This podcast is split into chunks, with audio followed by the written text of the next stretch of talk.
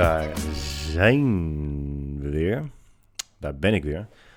Het is vandaag aflevering nummer 35 van Omdat het kan. Met in de hoofdrol niemand minder dan Guy Droog. En ook in de bijrol niemand minder dan Guy Droog. Eh, we zijn er een aantal weekjes tussenuit geweest. De reden voor eh, een gebrek aan een podcast twee weken geleden is omdat ik op wintersport ben geweest. En daar ga ik het uiteraard zo meteen over hebben. En de reden dat er vorige week geen podcast is geweest. ehm, er is al een podcast geweest.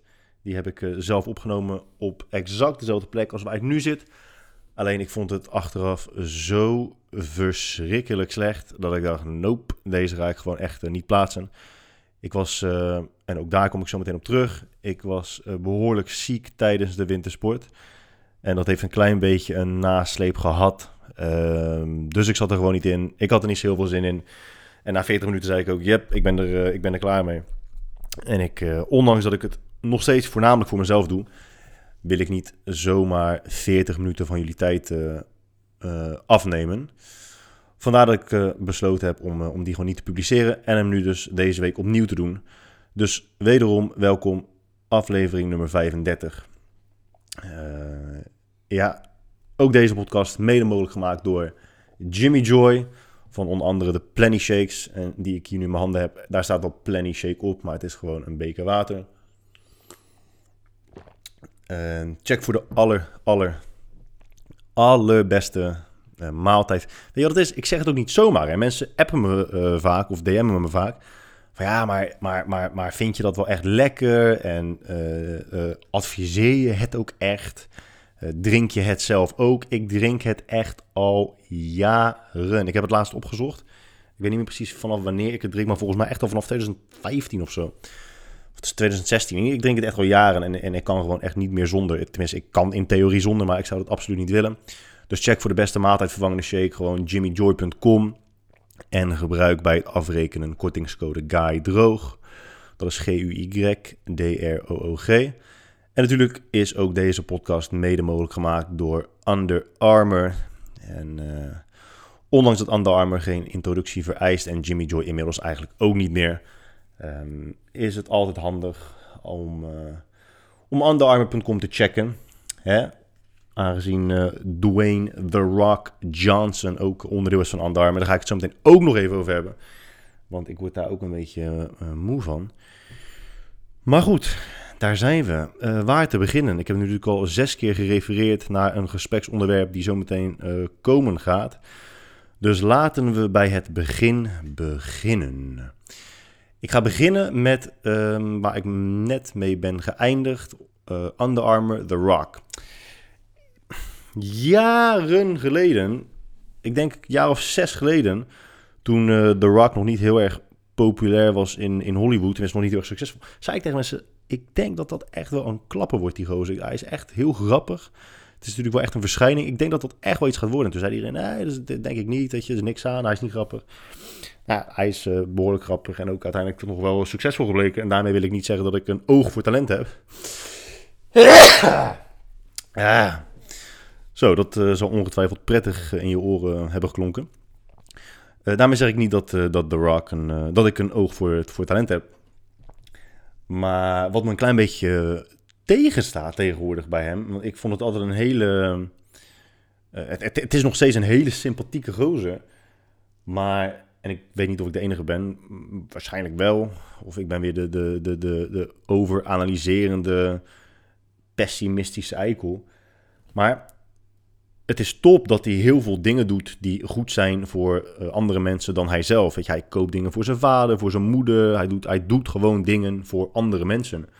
Maar waarom moet je dat nou elke keer voor je honderden miljoenen volgers zo uitvergroten, zo in iedereen's gezicht schuiven? Fucking hell. Elke keer als hij iets koopt voor zijn vader, moet hij weer een video plaatsen met: Oh, ik ben zo, zo dankbaar dat ik, dat ik dit voor andere mensen kan doen. En mijn vader zegt dan tegen me dat ik zo'n leuke vent ben, dat ik dat allemaal kan, dat ik dat allemaal doe. En hij is me zo dankbaar. Dan, wordt hij emotioneel. Kijk, dat je dat een keertje doet, oké. Maar volgens mij heb ik inmiddels echt al 15 van dat soort video's voorbij zien komen. Dan denk jezus, dit is echt zo gemaakt. Op een gegeven moment is het gewoon gemaakt. Um, Gisteren was ik ook in de gym en toen ging het weer, zoals heel vaak, over mijn enthousiasme of mijn gebrek aan enthousiasme. En ik zeg ja, ik bewaar mijn enthousiasme gewoon voor dingen die het enthousiasmeren waard zijn. Of, of die mij daadwerkelijk enthousiasmeren. Want als alles mij enthousiast maakt, of als ik om alles mijn enthousiasme uit, wat is het dan nog waard? Iemand die alles grappig vindt, ik vind het helemaal niet indrukwekkend of, of, of leuk om iemand te laten lachen die alles al grappig vindt. Oké, laat ik het zo zeggen. Ik, dat is wel leuk. Het is leuk om iemand anders te zien lachen en om iemand anders te laten lachen. Maar het geeft mij niet het idee dat ik grappig ben, want die persoon vindt alles grappig. Als iemand om alles enthousiast wordt en ik geef die persoon een cadeau en die persoon, is, persoon wordt super enthousiast, dan zal ik niet denken, dan is het leuk dat die persoon enthousiast wordt, wordt van datgene wat ik heb gegeven. Maar ik zal niet denken, oh god, wat ben ik een creatief genie en wat ben ik uitstekend in het verzinnen van enthousiasmerende cadeaus. Nee, want die persoon wordt om alles enthousiast. Hetzelfde geldt dus voor, ehm, voor eh, eh, iemand nu als, als, als The Rock, als Dwayne Johnson, die dan elke keer weer moet uiten hoe ontzettend dankbaar die, ja, wie eigenlijk God is, het universum, karma, dat hij dit allemaal kan doen. En uh, dat, dat hij dan bij elke keer zo open. Waarom moet je emotioneel worden elke keer voor een paar honderd miljoen mensen? Ja, dan, dan, dan, dan, trek je toch zo'n eh, zo'n oprechtheid in twijfel. Maar goed, dat is helemaal niet de reden waarom ik over hem begin. Uh, de reden waarom ik over hem begin is omdat ik dus uh, bij een van zijn video's, hij, post ook vaak trainingsvideo's, draagt hij, zoals heel veel mensen dat doen, een weightlifting belt, een riem. En nu dat ik weer regelmatig train en dus ook video's plaats van het trainen, waarbij ik dus vaak een riem draag, stellen heel veel mensen de vraag: waarom draag je zo'n riem? Uh, waarom hou je je adem in tijdens de neergaandse beweging bij bijvoorbeeld de squat? Um, hoe strak moet een riem zitten? Allemaal weightlifting of powerlifting belt, gewoon, gewoon, gewoon riem gerelateerde vragen. En bij The Rock zie je dus, net als bij heel veel gym rats, gym bros, hoe je ze ook wil noemen, zie je dus dat ze bijvoorbeeld een hele training door gewoon die riem om hebben en hem eigenlijk meer als modeaccessoire dragen. Dus toen dacht ik, het is misschien wel heel, het is misschien wel leuk en belangrijk en van meerwaarde voor mensen die trainen om het kort over het gebruiken van een riem uh, te hebben. Uh, welke riem ik adviseer, uh, vanaf wanneer, waarom, hoe je hem gebruikt, etc. Waarom is het dus gek als je een riem heel de training om kan houden zonder dat je daar dus last van ondervindt? Als jij een broekriem om hebt, maar je broek zakt alsnog heel de tijd af, dan kun je stellen dat de functie van de riem eigenlijk uh, verwaarloosbaar is. dus uh, ja, datgene wat de riem hoort te doen, doet het niet, want je broek zakt letterlijk af. Dus het feit dat de broek afzakt is het bewijs van, uh, van, van, van, dat de, functie van de riem niet wordt vervuld. Dat geldt ook voor mensen die dus heel de training een riem om hebben zonder dat ze denken, oeh, dat zit eigenlijk best ongemakkelijk. Als een riem niet ongemakkelijk zit, moet ik beter zeggen, op een gegeven moment wen je aan dat ongemak, waardoor het ongemak geen ongemak meer is, maar gewoon gewenning. Maar als jij. Ehm,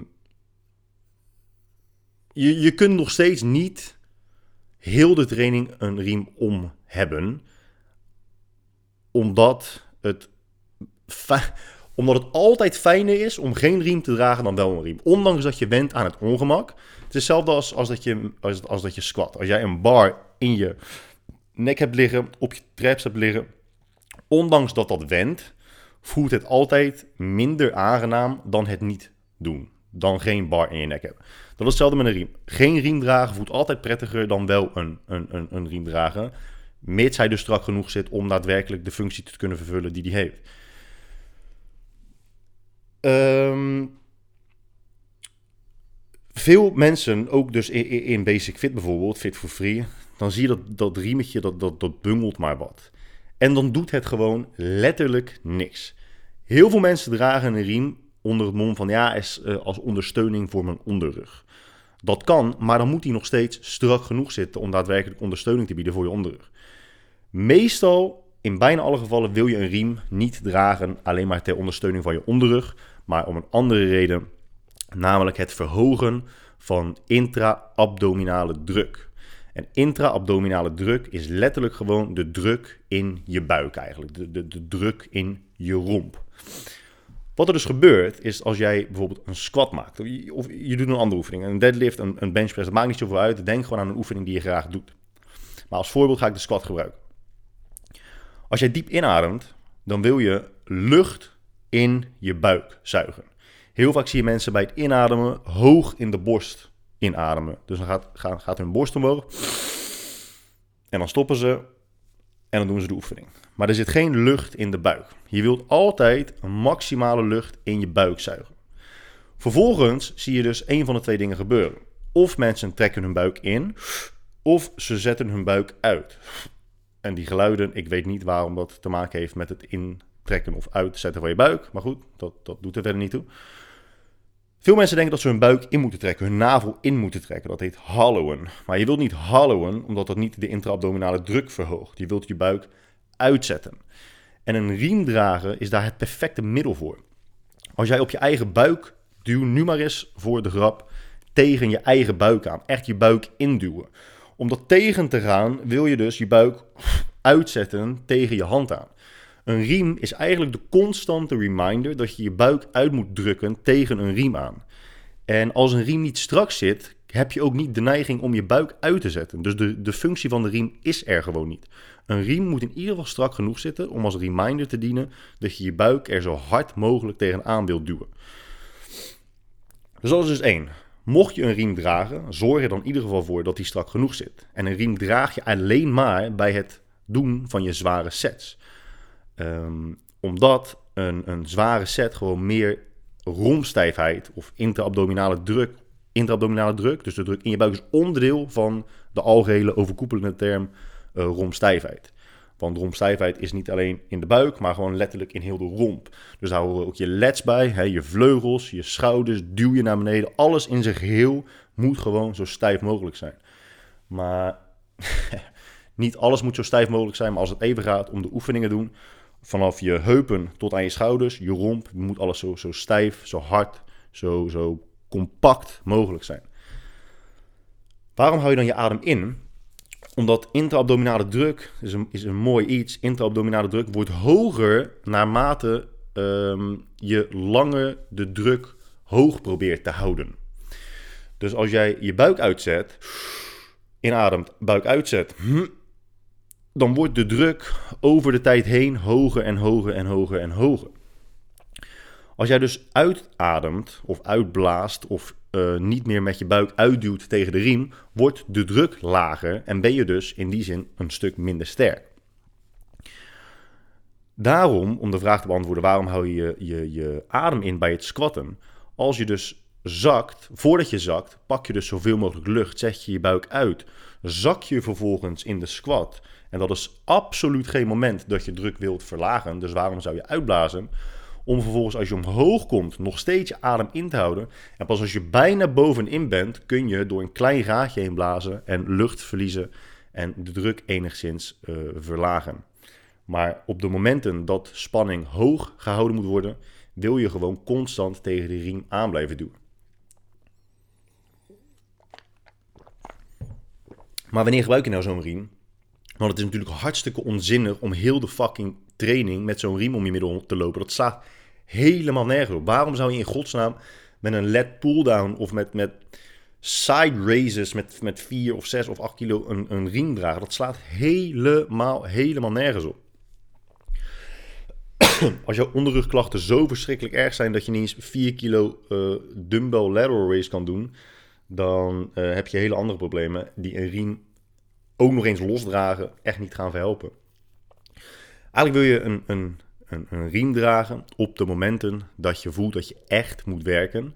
En dan zou ik ook nog niet eens aanraden om uh, als beginner dat te doen. Omdat je natuurlijk ook gewoon zoveel, niet zoveel mogelijk... Jawel, in de beginfase wil je zoveel mogelijk uh, romstijfheid verbeteren zonder het gebruiken van een riem.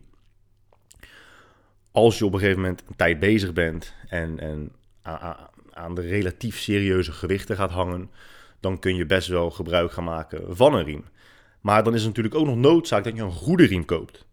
En je hebt best wel wat riemen op de markt En ze hebben allemaal voordelen, ze hebben allemaal nadelen. Behalve, naar mijn bescheiden mening, uh, één riem. En dat is die van SBD. Kijk, je hebt bijvoorbeeld de, je hebt Strength Shop. En die hebben ook uh, goede riemen. Dus ik, sorry, ik heb een beetje last van mijn keeltje. Die hebben redelijk goede riemen. Maar die kun je dus alleen maar verstellen um, met het gebruik van een, een schroevendraaier. En in principe is dat niet erg. Alleen vaak zie je dat mensen andere uh, gaatjes willen gebruiken. Uh, andere, uh, andere hoeveelheid druk van de riem wensen bij verschillende oefeningen. Dus bij, bij benchpressen of bij deadliften of bij het squatten. En dan is het dus prettig als je gewoon heel veel gaatjes hebt, dat je altijd kunt switchen als dat nodig is of als je hem uit wilt lenen. En bij Strength Shop kan dat dus niet. Daarnaast is het bij Strength Shop ook zo dat het materiaal, het leer, dus als je geluk hebt kun je jaren mee doen. Maar als je een groot gebruiker bent, als je hem echt vaak gebruikt, zie je toch bij veel mensen dat hij best wel snel uh, slijt. Dan heb je bijvoorbeeld Titan, die gebruiken riemen met, met gaatjes, dat je hem aan moet trekken. Dat is helemaal niet ideaal, want dan moet je echt gewoon vaardigheden voor ontwikkelen, wil je hem zo strak mogelijk aan kunnen trekken. Bij SBD is het materiaal is echt waanzinnig. Het is echt dik, kwalitatief, stevig, bijna onbreekbaar leer voor mijn gevoel. Je kunt dus altijd dezelfde gaatjes kiezen. Hij is, het is een onverwoestbaar ding. Het enige nadeel zou eventueel kunnen zijn dat heel veel mensen het gewoon heel erg duur vinden. Alleen het ironische daaraan vind ik altijd dat als mensen gaan hardlopen één keer in de week, dan voelen ze zich geroepen om hardloopschoenen te kopen en een hardloopoutfit en een fucking Apple smartwatch of een, uh, uh, Fitbit om, de stappen en de calorieën en de tijd en weet ik wat allemaal te tracken. Maar als ze dan wel drie of vier keer in de week gaan, gaan, gaan sporten, dan willen ze daar geen serieuze accessoires voor kopen die ze daadwerkelijk helpen bij um, het leveren van kracht. En bij ook de veiligheid waarborgen tijdens het zware liften. Want volgens mij is de SBD-riem 220 euro. Maar ik, ik weet 100% zeker dat je dan echt de komende 20 jaar er zoet mee bent. Dus mocht je interesse hebben in die riem, check dan even, volgens mij is de website SBD, SBD Apparel. Dat is SBD, Bernard Dirk, Apparel, A-P-P-A-R-E-L.nl. En als je dan naar de uh, shop gaat, dan kun je dus de SBD-riem kopen voor 115 euro. Ik uh, krijg hier geen commissie op. Er is ook geen kortingscode. Maar check de riem zeker weten even. Want het is echt. We hebben, wij hebben in de gym alle, alle soorten riemen gehad. Ik heb zelf ook vroeger die van, uh, van uh, Strength Shop gehad. Maar ik kan met absolute overtuiging zeggen dat de SBD-riem uh, veruit de beste riem is die ik ooit heb gezien, ooit heb gebruikt, ooit in mijn handen heb gehad. Dus absoluut het, het proberen waard. Goed, dan gaan we door naar het uh, volgende onderwerp. En dat is. Uh, waar gaan we het over hebben? Wintersport. We gaan het even kort hebben over wintersport. Nee, gaan we het over wintersport hebben? Yeah. Mm, ja, we gaan, we gaan het, dan wordt het maar misschien een iets langere podcast, dat uh, maakt niet uit. Wintersport. Ik, was dus, ik ben voor het eerst op wintersport geweest. En mensen die, die, men, uh, die mij op Instagram volgen. Als je me nog steeds niet op Instagram volgt, dan uh, shame on you. Maar daar heb ik natuurlijk gruwelijke foto's geplaatst van mijn uh, airtime. Echt meters de lucht in. Ik denk echt wel 6 meter of zo. Nee, het was, ik, was, ik was niet heel goed hoor. Maar het was de eerste keer en dat was, dat was wel leuk. Het was een leuke ervaring. Maar zeker niet zonder kanttekeningen. Laatst was op de radio bij 538 tijdens de Koen en, Koen en Sander show vertelde een van die twee, ik weet niet, Koen of Sander, vertelde dus een verhaal over dat hij vroeger een keertje diarree had bij een van zijn vrienden thuis en uh, scheet hij alles onder. Nou, hartstikke leuk natuurlijk, zijn verhalen waar ik me heel goed in kun, kan vinden. En vervolgens deden ze dus een oproep naar andere mensen die ook soortgelijke verhalen hadden. En, en waar ik dan van schrik, en ook van Koen en Sander zelf, is dat ze dan moeten graven in het verleden. Je hoort ze dan zeggen, ja, jaren geleden had ik dat dus een keertje. Of toen ik 18 was, of 20 jaar geleden. En dan denk ik, godverdomme, ik kan echt, ik heb echt heel veel van dat soort verhalen. Waarvan jullie er al een aantal kennen. Maar dat is toch niet goed? Het is toch niet goed dat ik, dat ik gewoon zo op 10 diarreeverhalen kan vertellen. Of buikkrampverhalen of buikgriepverhalen. Dat is toch erg? Mocht er een uh, huisarts mee luisteren en denken, ja, dat is inderdaad niet helemaal kosher. Ehm, misschien moet ik daar een keer eens naar laten kijken. Maar ik heb, ik heb al natuurlijk een keer prostaatonderzoek gehad en dat, dat vond ik ook niet heel chill. Maar goed, die voelt hem aankomen. We zouden zaterdagmiddag gaan rijden en vrijdagnacht word ik dus wakker met zo fucking erge buikgriep. Ik heb echt nog nooit zo'n erge buikgriep gehad. Op een gegeven moment denk ik echt, waar komt het vandaan? Verandert mijn bloed gewoon in diarree dat mijn lichaam vervolgens uitstroomt? Ik heb niks gegeten, alles is uitgekost, alles is uitgescheten en nog steeds komt het ergens vandaan. Ja, ik weet het ook niet. Maar in ieder geval, ik had dus buikgriep. En dan kan je dus vertellen dat buikgriep in combinatie met voor het eerst snowboarden in je leven absoluut gegarandeerd kut is. Wel kan ik, met, kan ik vol trots zeggen dat ik uh, niet in mijn skikleding heb uh, gepoept. Ook niet in de sneeuw. Ik, sterker nog, ik kon altijd gewoon netjes naar het toilet.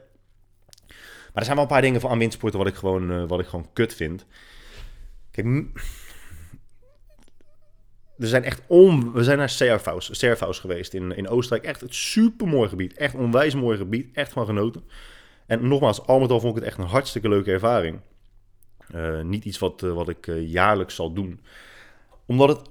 Er is, komt zoveel klootjesvolk. Het is ongelooflijk. En natuurlijk zullen zij hetzelfde over mij zeggen. Maar objectief genomen, objectief bekeken, zijn er een aantal dingen waarvan ik denk: waarom zijn jullie zo? Ten eerste heb je de skilift. Je staat echt met z'n allen alsof je naar het slachthuis wordt gedreven bij die skiliften. En op zich is dat ook geen probleem, want als je naar een pretpark gaat, sta je ook gewoon met heel veel mensen in de rij. Maar je krijgt geen molecuul aan, ruimte om je heen. Als mensen een, een kwart van een centimeter ergens om je heen vrij zien staan, denken ze, oh, weet je wat, daar prop ik mezelf gewoon tussen. En dan denk ik, gozer, die liften gaan om de drie motherfucking seconden. Kan je werkelijk waar kan je het niet over je hart krijgen dat je misschien anderhalf seconde later dan um, anderhalf seconde later dan nu uh, die lift ingaat. Moet je echt per se constant je dikke. Moet dat echt? Dat hoeft toch niet? Dat hoeft toch helemaal niet?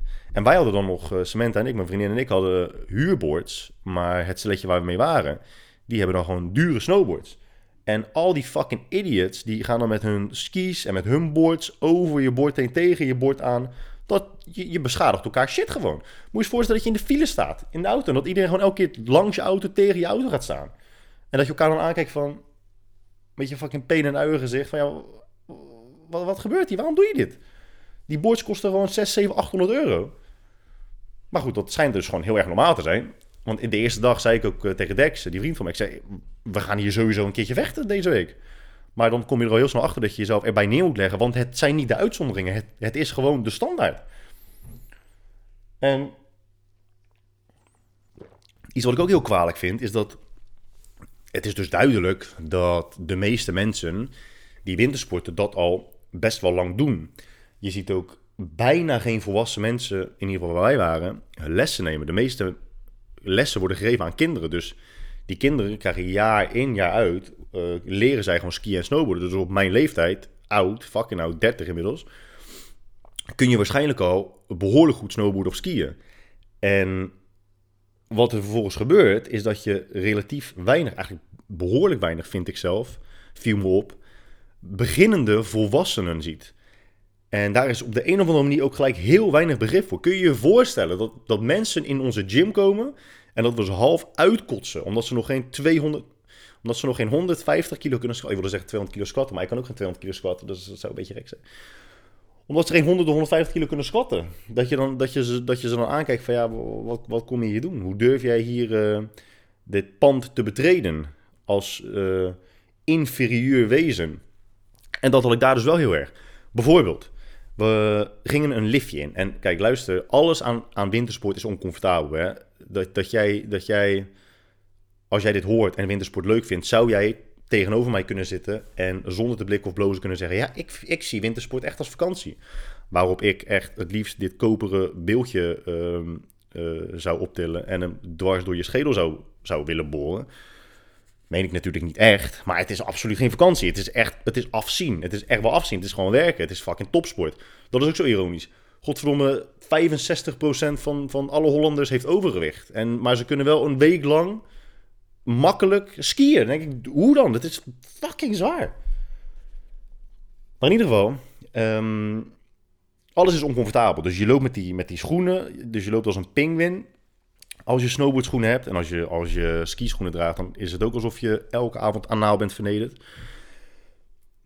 Maar, oh ja, en dan draag je thermokleding, omdat het gewoon min 8 is. Maar je loopt wel in de zon, waardoor het voelt alsof je in fucking Egypte bent. Dan denk ik ook van, dit klopt niet. Als ik uitblaas, zie ik, zie ik condens. Maar het voelt alsof ik aan het verbranden ben. Wat is dit voor, voor, voor bovennatuurlijk fenomeen? Dus op een gegeven moment, oh ja, want tegenwoordig moet je ook helmen dragen, hè, want het is nog niet warm genoeg. Dus zet ook nog maar even een helm op.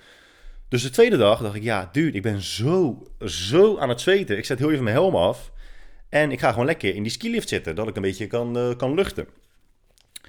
En wat gebeurt er? Net voordat ik het station verlaat in zo'n skilift, valt mijn helm in zes meter diepe sneeuw. Echt precies bij het station.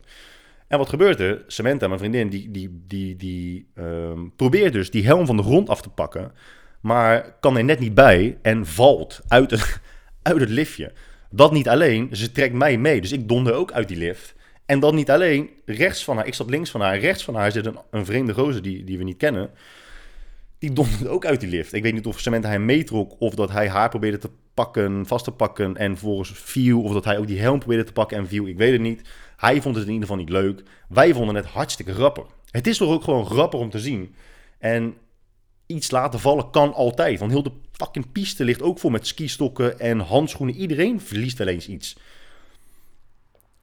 Uh, daarnaast doe je ook niemand kwaad, behalve die gozer die ook valt in de sneeuw, wat gewoon grappig zou moeten zijn. Uh, die skilifter zet die gozer gewoon gelijk op stop. Dus er is helemaal niks aan de hand en er overkomt niemand iets, behalve de mensen die vallen. En als buitenstaander moet je daar toch gewoon om kunnen lachen. Als iemand op straat uitglijdt, is dat ook gewoon heel grappig. Ik vind dat in ieder geval heel grappig. Um, in ieder geval, niemand vond het grappig. Echt helemaal niemand vond het grappig. Sterker nog, iedereen vond het gewoon ontzettend irritant. Wat gebeurt er vervolgens? Dan vraagt die uh, skiliftbeheerder, ik weet niet wat zijn, wat zijn functietitel is, maar in ieder geval die gozer die die liften dus bedient, die uh, zegt, ja kom even aan de zijkant staan in het Engels en dan uh, kan je zo erop. Oké. Op de tweede dag kon ik al constateren dat iedereen in heel fucking Servaus Nederlands is en dus gewoon Nederlands spreekt. En alle Nederlanders spreken ook Engels en alle Duitsers daar spreken ook gewoon Engels. Iedereen spreekt Engels of Nederlands, 100%. dus Samantha en ik uh, half lachend nog gaan aan de zijkant van dat liftje staan. En we zeggen tegen de... Ik weet niet, als je weet, ik weet niet of je... Mocht je niet weten hoe een uh, skilift werkt of hoe dat een beetje functioneert. Je hebt gewoon vier, vijf uh, ingangetjes naast elkaar met een hekje die dan openklapt. En dan kun je dus in een rijtje van vier, vijf naast elkaar dat, uh, dat platformpje betreden. En dan kun je dus die liften op. Dus die, die, die mensen, de volgende mensen, staan met z'n vier, vijf naast elkaar bij die hekjes. En ik zeg tegen ze in het Nederlands: Zouden wij hierna mogen gaan, alsjeblieft? Of zouden wij nog even hiervoor mogen gaan? Want mensen hebben al gezien dat je bent gevallen. Ze weten dat je nog op dat liftje wil. Maar Uh, ja, je zou dan wel voor moeten gaan wezen. En je kunt natuurlijk wel raden, want ik heb net, net al gezegd en verklapt dat iedereen het niet over zijn hart kan krijgen om anderhalve seconde later die lift op te gaan. Dus iedereen doet alsof zijn neus bloedt. Ze kijken je niet aan, ze, ze, ze, of, of ze kijken je aan van, hè, welke taal uh, spreek jij? Niemand spreekt Engels, niemand spreekt Nederlands. Dus die vier, vijf mensen die gaan uh, voor ons. ik denk, oké. Dus ik denk, weet je wat, ik uh, verander van tactiek. Ik vraag het in het Engels, want mochten ze Duits zijn, dan, uh, ja, dan spreken ze waarschijnlijk geen Nederlands. Dus ik zeg, uh, we go next please? En iedereen kijkt me aan van, ja, ik weet echt niet waar je het over hebt hoor. En die gaan gewoon voor. Hmm. Toen dacht ik, uh, ja, dit is behoorlijk irritant. Toen kwam het derde rijtje mensen. En ik zeg weer in het Nederlands of in, in het Engels, ik weet niet meer. Ik zei, can we go next? Please, please people. Zegt er een of andere kut. Nou, moet je maar leren snowboarden dacht ik, oké, wat is het verband tussen mijn helm laten vallen en leren snowboarden, uh, beste dame? Maar goed, daar ga ik dan ook maar niet op in, want dan, uh, ja, dan, dan, dan, dan wekt het de agressie een klein beetje op. Dus ik dacht, ja, weet je wat, laat maar. Zij ging ook voor. Die gozer moet op een gegeven moment dus echt gewoon die, die hoe heet die dingetjes? Die hekjes moet hij gewoon blokkeren, omdat iedereen weigert je voor te laten gaan. Het is zo diep triest. Echt zo fucking sneu. En de enige reden dat ik me daar zo om op kan winden... is dus dat het echt bewijs is van een enorm gebrek aan sportiviteit. En natuurlijk, hè, ik ken alle tegenargumenten inmiddels wel... want ik ken genoeg mensen die wel van wintersport houden. En iedereen heeft alle argumenten onder de zon al genoemd. Ja, maar het is veel leuker als je mooi weer hebt. Ja, maar als ik mooi weer wil, dan ga ik wel gewoon naar een, zonnige bestemming. Want het kan ook mooi weer zijn op een plek waar je niet dan elke dag te maken hoeft te hebben met 700.000 skiënde mensen. Ehm, het is uh, leuker in Italië. Ja, oké, maar ik kan ook naar Italië zonder te gaan windsporten. Um, wat was er nog meer? Het is leuker, dat is, dat is, uh, en daar kan ik me ook echt in vinden. Het is leuker als je het beter kan. Ja, klopt, maar om het beter te kunnen moet je dus elk jaar, meerdere jaren achter elkaar gaan en dus gewoon afzien. Want als je het niet kan, is, kost het zoveel moeite. Dat vallen en opstaan en, dat, en je snowboard aanklikken, dat is... Nou ja, ik heb een beetje een irriterende stof aan onder mijn eh, shirt. Dus ik heb heel tijd uh, jeukende borstharen. Maar ook nogmaals, allemaal al vond ik het, uh, vond ik het het heel leuk hoor. Wel een paar keer gevallen. Echt een, doodsklappen gemaakt. Dat je denkt, mijn god, waar, waar ben ik aan begonnen zeg? Holy shit. Ja. Maar goed, ja, nee, ik, zou, ik zou niet eh, heel snel weer... Ik zie het niet als vakantie. Het is gewoon... Het is een... Uh, ja. Ja, of dan zeggen mensen, ja nee, maar het is leuker als je dan één of twee keer de piste afgaat. En dan ga je lekker zo'n cafeetje in en dan neem je een, dan ga je wat eten en drinken. Ja, maar het zijn allemaal gewoon bruincafés. Hè? Dus ja, eten en drinken, duur. Je eet gewoon overal pasta, pizza of, uh, of Duits eten. Het is niet dat je... Ja, het is wel lekker. Je moet, als je het doet, al, ik denk dat je, je moet skiën of snowboarden gewoon echt wel heel leuk vinden. Wil je uh, wintersporten gewoon, gewoon echt leuk vinden. Of inderdaad van, van, van die, die ja, gewoon dat soort gezelligheid houden. Weet je, dat, dat die apres-ski vibe of... Nou ja, is dan wel echt Duits en, en, eh, en, en, Oostenrijks. Voor mij heb je in Italië helemaal geen apres-ski. Dan weet ik echt helemaal niet wat je daar uh, doet. Maar ja. Ja, ik denk dat wintersport is leuk voor, voor twee dagen, drie dagen. Weet je, dat je even knalt. Gewoon echt een, een sportief, uh, sportief uitje ervan maken. En dan vervolgens zegt, nou, we gaan gewoon lekker naar huis. Maar goed, hè, er zijn ook uh, andere belangrijke dingen in de wereld gebeurd. Dus even een uh, hele grote omschakeling. Het is Women's Day geweest. En ik weet niet meer wanneer dat was. Vrouwendag. Bestaat er ook een mannendag? Volgens mij niet, hè?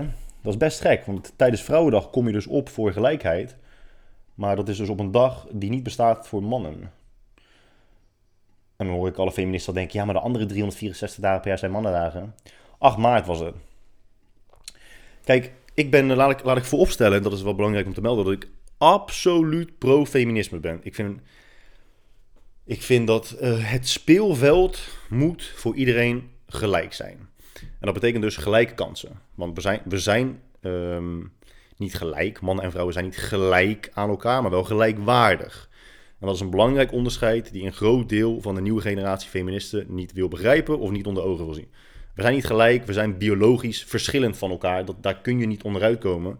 We zijn biologisch van eh, verschillend van elkaar, dus we kunnen per definitie niet gelijk aan elkaar zijn, maar wel gelijkwaardig zijn. En de, de, de, de nieuwe stroming feministen is wel uh, ja, heftig. Het neigt dus. Ik heb natuurlijk die andere podcast ook opgenomen over het radicale feminisme. En dat is precies wat het is. Het is echt een. Eh, het is bijna. Het, het neigt echt naar het extremistische. En ja, met alle gevolgen van dien ook. Ik bedoel. Het is heel. Ik, zag, ik zag laatst dus ook een, in, tijdens, de, tijdens de verkiezingen. Een, een organisatie die dus opkomt voor de emancipatie van de vrouw. En zij wilde dus tijdens het kiezen hun standpunt was: stem gewoon op een vrouw. Het maakt niet uit welke vrouw het is, maar stem gewoon op een vrouw. Oké, dat is, je doet exact hetgene wat je probeert te verhelpen in de wereld. Jij vindt dus dat mannen altijd uh, voorrang krijgen puur en alleen op basis van geslacht. Niet van bekwaamheid, maar van geslacht. En vervolgens probeer je het dus om te draaien. Probeer dus te zeggen, weet je wat, wij gaan dat ook doen, maar dan voor vrouwen. Dus je oordeelt over seksisten, maar vervolgens doe je exact hetzelfde. En dat rechtvaardig je dan door te zeggen: nee, maar wij komen op voor minderheden. Wij komen op voor de vrouw. Dus dan is het oké. Ja, ik hoef je toch niet. Ik, hoef je, ik ben godverdomme 30 en ik zit hier in mijn woonkamer een podcast op te nemen in mijn eentje. Je kunt je nagaan hoe sneu dat eigenlijk is. Uh, en nog steeds moet ik jou gaan uitleggen hoe fucking hypocriet dat is. Dat is toch, dat is toch best gek. Ja, je ziet gewoon heel veel, heel, veel, heel veel ontwikkelingen binnen de samenleving. En dat is, ook, en dat is echt gewoon door het feminisme. Bijvoorbeeld. Um, ja, we gaan nu een klein beetje. Ik wil het ook nog over politiek hebben zo meteen, ondanks dat ik daar helemaal niet van hou, maar omdat het wel een actueel onderwerp is. Even kijken hoor. Um, je ziet gewoon dat heel veel vrouwen nu dus stellen en eisen dat meer vrouwen machtsposities moeten krijgen. Oké. Dat is prima. Als jij daadwerkelijk een vrouw bent die een machtspositie wilt hebben. Je kunt niet zeggen, wacht, mannen doen dit, mannen hebben dit, dus wij als vrouw willen dit ook. Je kunt niet zeggen, wij willen dit omdat mannen dat ook hebben. Op welk punt hebben we, of op welk punt hebben vrouwen besloten dat uh, carrière maken belangrijker is, of dat carrière hebben belangrijker is dan een stabiel gezin? Veel vrouwen zeggen, ja, weet je, wij, moeten, wij, moeten, wij kunnen geen carrière hebben, of wij kunnen vaak geen carrière, of minder vaak een carrière, hebben omdat wij thuis moeten blijven voor uh, familie. Ja, dat klopt. Maar waarom zeg je dat alsof het iets negatiefs is? Dat zeg je alleen maar omdat je een bewijsdrang hebt. Je hebt het gevoel dat je aan waarschijnlijk mannen uh, moet kunnen rechtvaardigen waarom zij een carrière hebben en jij niet. Maar in, in, in, in, in welke wereld is een carrière hebben belangrijker of mooier dan een stabiel gezin grootbrengen? Dat is, ik, ik kan daar gewoon echt niet bij. Stel je voor dat mannen en vrouwen altijd, wat carrière betreft, gelijk waren, gelijk waren aan elkaar. Dus dat, dat vrouwen, gewoon letterlijk 50% van de vrouwen en 50% van de mannen, um, of, of het merendeel van de vrouwen, het absolute merendeel van de vrouwen en het absolute merendeel van de mannen, zoals het nu is, uh, zich voornamelijk zouden focussen op, het, uh, op hun carrière. Hoeveel gebroken, hoeveel meer dan nu gebroken gezinnen dat met zich mee zou brengen. Hoe, hoeveel meer instabiele gezinnen dat zou veroorzaken. Het is, toch, het is toch prachtig dat je tot een geslacht behoort die eigenhandig ervoor heeft gezorgd dat er zo verschrikkelijk veel stabiele gezinnen uh, bestaan. Dat is, toch, dat, is toch, dat is toch super? Dat je kunt zeggen, door mij, voornamelijk door mij, uh, doen mijn kinderen het zo goed op school. Doen mijn kinderen het zo goed op het werk. Uh, zijn mijn kinderen zo populair op school? Hebben mijn kinderen, kinderen zoveel vriendjes en vriendinnetjes? Dat is, dat is toch fantastisch? Waarom, waar komt opeens die behoefte vandaan van ja, wij willen ook carrière maken? En nogmaals, het is prima als je zegt ik wil carrière maken omdat je daadwerkelijk carrière wil maken, maar niet omdat je uh, jezelf ongelijkheid hebt aan laten praten en daarvoor wilt compenseren door maar te zeggen ja, nee, hè, ik uh, verdien ook uh, meer tijd voor het werk aan mijn carrière. Ik vind dat heel gek. Ik vind dat echt heel gek. Ja. En het, het, het, het, uh, het gaat nu nog verder door, en dat is, dat is, dan heb je het echt over extremisme, is dus dat er steeds meer landen komen die dus quota's willen aanhouden. Uh, bijvoorbeeld, die zeggen, uh, het, het Canadese parlement, momentje.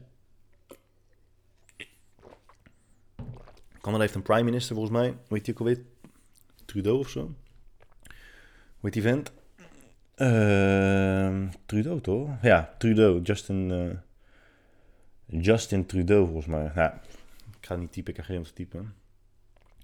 In ieder geval uh, Justin, uh, Justin Trudeau, Canadese prime minister, die heeft op een gegeven moment gezegd, volgens mij, ik weet niet wat zijn idee was, maar in ieder geval het is doorgevoerd dat 50% van, ehm, van het kabinet, dus ik zei parlement volgens mij, ik moet eerlijk zeggen, mijn, mijn, mijn, mijn, kennis over politiek is zeer minimaal. Maar in ieder geval, het, is, het bestond voornamelijk uit mannen. En ze vonden dat het tijd werd om het precies op te splitsen. 50% man, 50% vrouw. Nou ja, stel je voor, je hebt, uh, je hebt 50 vrouwen, je hebt 50 mannen en je hebt 10 vrouwen. Het makkelijkste wat je dan kunt doen is maar gewoon 40 vrouwen aannemen. Daarmee in plaats van dat je dus 40 mannen uh, ontslaat. Je neemt er 40 vrouwen bij. Oké. Maar dan moet er dus daadwerkelijk aanbod zijn van bekwame vrouwen die die posities willen innemen. Dat was er niet. En dat is dus mooi. Dus je, je denkt, dat is, het is gelijk bewijs dat er sprake is van een domme aanname. Dat het disbalans uh, komt door seksisme, door, seksuele door uh, discriminatie op basis van geslacht.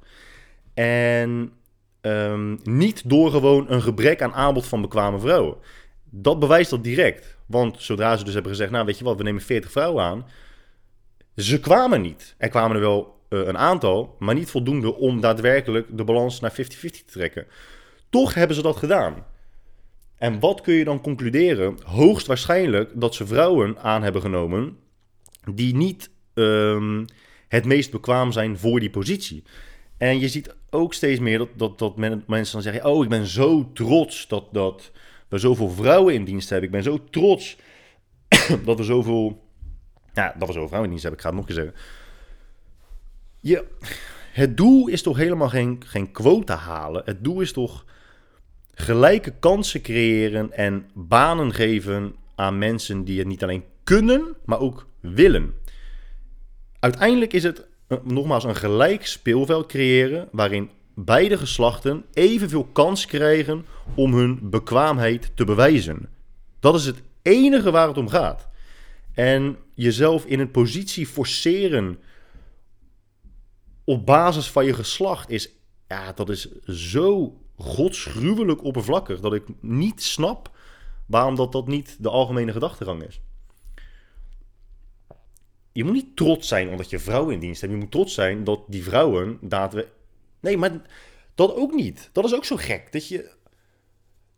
Het is zelfs met diversiteit. Mensen zeggen vaak: ja, wij, wij, wij staan achter diversiteit. Wij vinden het belangrijk om, uh, om mensen van verschillende achtergronden aan te nemen. Door dat te benadrukken alsof het iets bijzonders is, benadruk je toch juist dat het bijzonder is. Maar je streeft er toch naar om het normaal te maken, om het de standaard te maken. Maar als, het, als, het, als, het, als je het behandelt en erover spreekt alsof het dus afwijkt van de standaard, hoe maak je het dan de standaard? Als je altijd maar diversiteit blijft benadrukken, als je altijd maar blijft benadrukken dat je er trots op bent dat je zoveel vrouwen in dienst hebt, blijf je toch benadrukken dat dat abnormaal is. En abnormaal betekent niet per se slecht, dat, dat bedoel ik niet. Maar je moet, het, je, moet, je, moet er toch gewoon, je moet er toch eigenlijk gewoon niks over zeggen. Als jij een vrouwelijke CEO bent, ja, dat is, zo net als... Je wilt exact hetzelfde hebben als mannen, maar je wilt wel dan... Ehm, je wilt wel een speciale dag voor jezelf hebben. Je wilt wel, je wilt wel bepaalde termen gebruiken, die dus alleen maar vrouwen gebruiken, net als baas, babe.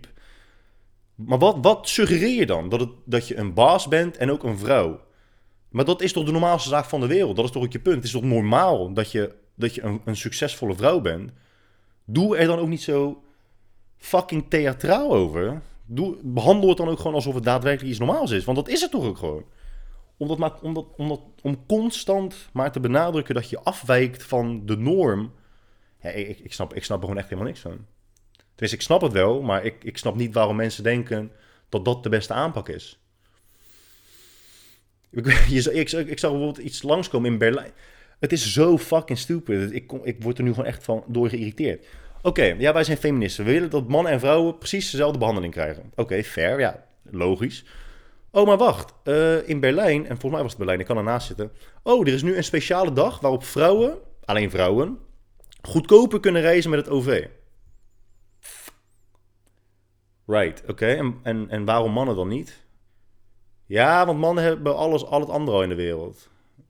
Oké, ja. Oké. Ja. Ja, duidelijk. Maar, als je streeft naar gelijkheid, dan moet je toch gewoon hetzelfde betalen als, als mannen, of niet? Ja, ik vind het best gek. Maar ik, ik zal ongetwijfeld wel weer de gek zijn hier hoor. Ik zal ongetwijfeld weer de ongenuanceerde, ondoordachte, ongecultureerde meloot zijn. Die daar uh, ironie in ziet die er eigenlijk uh, helemaal niet is. Neem bijvoorbeeld uh, Kevin Hart. Kevin Hart die, die post een, een aantal weken of maanden geleden. Volgens mij dat hij trots was dat hij behoorde tot de top 10 best betaalde comedianten van de wereld. Je voelt hem misschien al aankomen. Hij plaatste dus die top 10. En ja, daar stond geen vrouw tussen. Je moet voor de grap eens die post opzoeken op zijn Instagram. En kijken naar alle reacties eronder. Hoeveel vrouwen zeggen: Ja, waar zijn alle vrouwen? Waar zijn de vrouwen? Yo, het kan toch gewoon zijn. dat, is dus, dat is hetzelfde als, in die podcast toen het ging over racisme. Dat als jij ehm, twee cv'tjes voor je hebt. De een is van Ali en de ander is van, uh, van Gerard. En je kiest Gerard. Dat mensen dan zeggen: Oh, je bent een racist, want je kiest voor de Nederlander. Nee, ik kies gewoon voor Gerard omdat ik denk dat hij beter geschikt is en meer bekwaam is voor de functie dan, dan, dan Ali in dit geval. En het kan zomaar andersom zijn. Mensen zien dan die top 10 en denken, ja, dit is seksisme. Vrouwen krijgen minder betaald dan mannen uh, als het gaat om comedy, omdat ze vrouw zijn. En dat is gewoon seksistisch. Uh, misschien een gek idee, hè? maar zou het kunnen zijn dat vrouwen gewoon minder grappig zijn? Of in ieder geval laat ik het anders zeggen, dat vrouwen minder succesvolle comedianten zijn. En ja, ik weet niet heel veel over comedy, maar ik denk dat een van de maatstaven wel um, is dat je grappig moet zijn. En als er gewoon niet genoeg mensen zijn die je heel erg grappig vinden, dan ja, is het lastig om een hele populaire comediant te zijn. Dus ja, dan krijg je waarschijnlijk ook minder betaald, denk ik. Weet ik niet. Maar overal seksisme inzoeken is zo, zo irritant. Dus we gaan, we gaan, we gaan even de, de overschakeling maken naar politiek. Even kort, want ik, ik heb een hekel aan, aan, aan praten over politiek. En ik zal zo meteen ook uitleggen waarom. Um, nou, Baudet heeft gewonnen. Ik weet nog steeds niet of het nou Baudet of Baudet of, of Baudet, maakt niet uit. Laten we zeggen Baudet. Heeft gewonnen. En een van de redenen dat ik dus uh, het, het, niet prettig vind om over politiek te spreken, um, een van de redenen, die andere noem ik zo, is omdat cherrypicking echt zo overdreven wordt gedaan als het om politiek gaat. Cherrypicken is eigenlijk gewoon heel selectief uh, bewijsmateriaal vergaren om je eigen vooroordeel of standpunt uh, te bevestigen. Dus als voorbeeld, jij vindt Baudet, Baudet vind je een klootzak, vind je een, een fascist, een racist, whatever. En vervolgens ga je dus alleen maar op zoek naar bewijs uh, dat jouw standpunt bevestigt. Dat is, het is normaal gedrag, hè? en ik zeg niet dat het, dat het gek is, maar dan zie je bijvoorbeeld een video uit 2017 vaak omhoog komen, waarin hij dus tegen een interviewer van de quote zegt, volgens mij, dat vrouwen, ehm, als het om bepaalde baantjes gaat, minder excelleren, dat zegt hij toch? Of minder uitblinken dan mannen doen. Ik weet niet wat hij zegt, voor mij uitblinken in ieder geval het minder goed doen dan mannen. Uh, ja, en, en daar, daar, daar, daar kunnen vrouwen gewoon echt hun kop van afblazen. Want ze denken, hoe durf je dat te zeggen? Ja, maar het is toch ook gewoon zo. Maar het tegenovergestelde, lieve, lieve dames, is ook waar. Er zijn ook heel veel baantjes waarin vrouwen overduidelijk beter zijn in zijn dan mannen.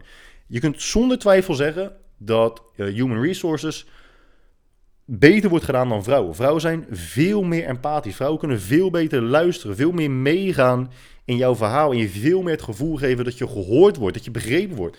Dat is wat empathie is, maar ik moet het nog even uitleggen. Om maar een willekeurig voorbeeld te noemen. Um, als, als een vrouw dat zegt, ja, vrouwen zijn gewoon echt veel beter in HR dan mannen.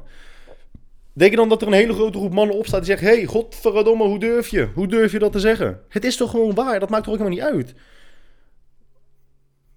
Maar in ieder, geval, uh, en daarna zegt hij. En vrouwen hebben uh, vaak minder ambitie, omdat ze zich bezig willen houden met familiezaken.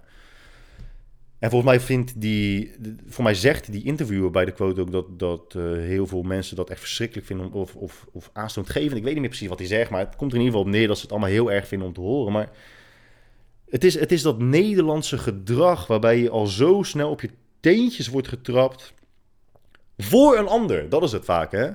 Als jij iets zegt over een minderheid of over uh, gevoelige onderwerpen, taboe, als jij het bijvoorbeeld hebt over religieuze mensen, daar komen we zo meteen op, dan hebben mensen heel snel het gevoel van, oh, hier wil ik voor opkomen. Het is ook veel, het is veel makkelijker om te zeggen, oh, jij bent een racist of jij bent een, uh, jij bent een seksist, dan dat je nadenkt over misschien wel de ongemakkelijke standpunten van de andere kant.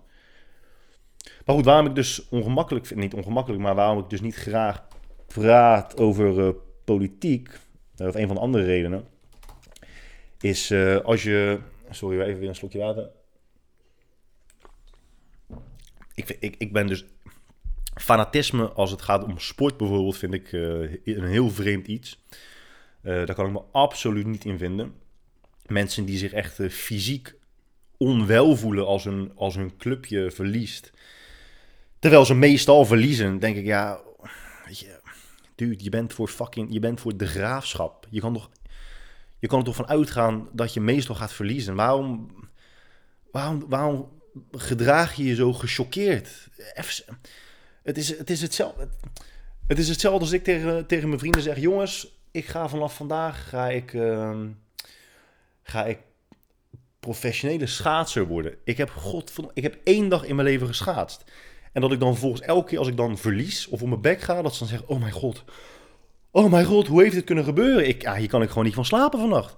Dus je bent toch niet achterlijk? Ik kan het gewoon niet. Ik ben hier gewoon heel slecht in. En sterker nog, de mensen waar ik mee concurreer zijn honderdduizend keer beter. Doe nou toch eens gewoon even rustig aan. Maar goed, je mening uiten over eh, de club die je support, als ik, uh, ik, ik support geen één club. Maar als ik tegen een, uh, echt tegen een Ajax zou zeggen, ik ben voor Feyenoord, dan trekt die persoon conclusies over mijn persoonlijkheid. Um, kans is groot dat hij me dan niet zou mogen. En tuurlijk, ik weet dat er gematigde supporters zijn, net als dat er gematigde gelovigen zijn. Maar er zijn heel veel mensen die er gewoon gelijk niet zullen mogen als persoon. Nee, hoef, hoef ik niks mee te hebben, weet je wel. Feyenoorder, hij is waarschijnlijk zus en hij is waarschijnlijk zo. En om nog een andere metafoor te gebruiken uh, in het kader van voetbal en politiek, is elke huiskamer voetbalcoach die op de bank zit, die voetbalwedstrijden kijkt op tv en die voor het laatst een, een degelijk balletje heeft getrapt in 1999, is ervan overtuigd dat hij beter een voetbalteam kan coachen dan de, de, de daadwerkelijke coach. Je moet dit doen, nee, je moet dat doen en blunder en dit en dat. Waarom doe je het niet zo, waarom doe je het niet zo? Als het gaat om politiek, wat nog een, een, een, een iets deli... Wat is het goede woord? Wat een vaardigheid... Ja, ja nee, wat, een beroep is die iets specifiekere en genuanceerdere vaardigheden vereist dan uh, uh, een voetbalcoach. Denk ik, maar misschien is het een onjuiste aanname. Iedereen kan het ook beter. Hè? neem maar uh, elke willekeurige partij. En dan zijn er weer honderdduizend mensen die zeggen nee. En die doen het niet goed om zus en zo. En dan, je moet het zo doen. Doe het dan zelf, dude. Even serieus. Doe, doe in ieder geval een poging. zo. Doe in ieder geval een poging om anderen ervan te overtuigen dat je weet waar je het over hebt. Kijk, ik geef toe dat ik echt te weinig verstand heb van politiek. Maar zelfs dat kan ik inzien bij mensen die denken dat ze verstand hebben van politiek. En misschien hebben ze ook wel verstand van politiek, maar dan hebben ze in ieder geval niet genoeg zelfkennis om in te zien dat ze echt 9 van de 10 keer uit hun nek staan te lullen. Maar echt, echt uit hun nek staan te lullen. Als jij.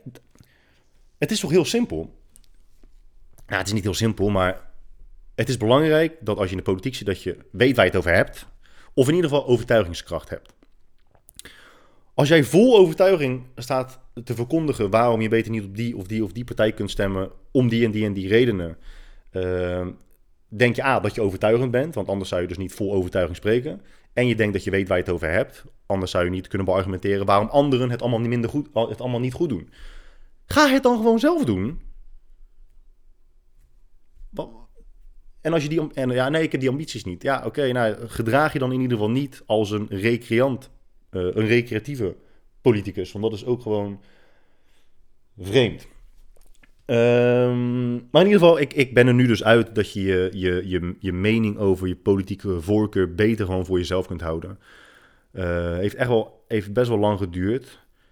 Maar ja, gewoon dat cherrypicken en, en ja, nee, ik ben er. Uh, je, hebt ook zo'n groot grijsgebied in politiek en mensen, mensen kijken daar niet naar.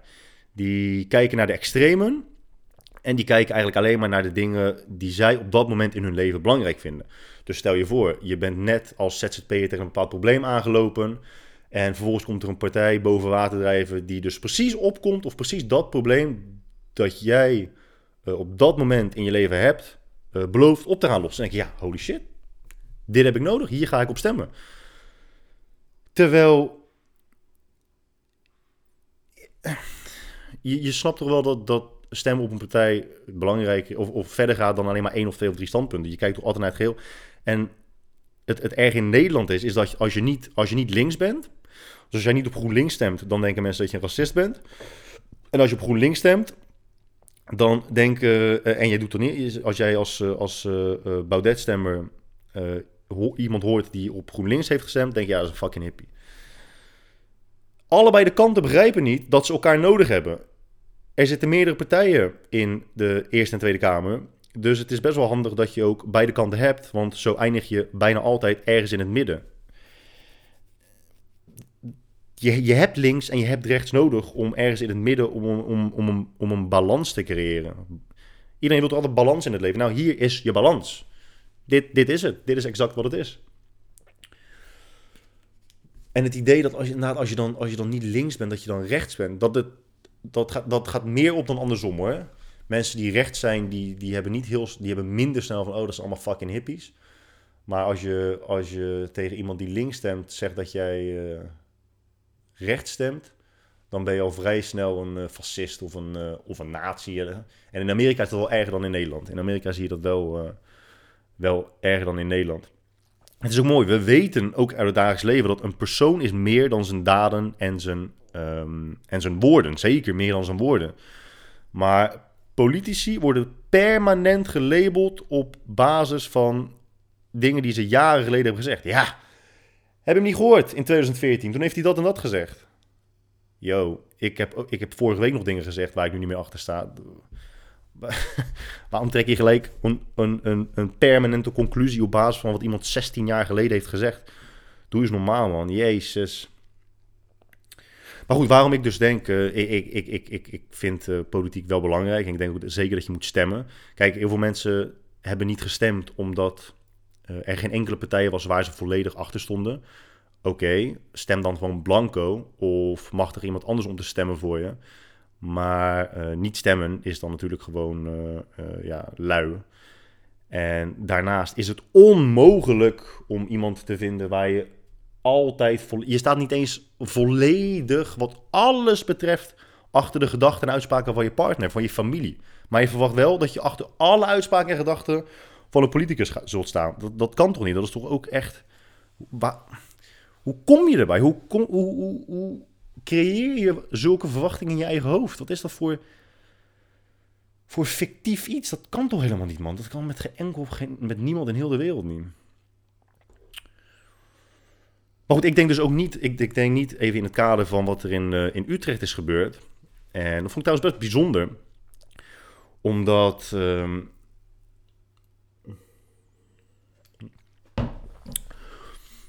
het was nog helemaal niet duidelijk wat er nou precies gebeurd was. En in het nieuws spraken ze al constant over een aanslag. En ondanks dat het daadwerkelijk een aanslag was, denk ik, journalistiek in Nederland is echt om te janken. Het is echt om te janken, omdat, ja, om, om meerdere redenen, maar goed. Um,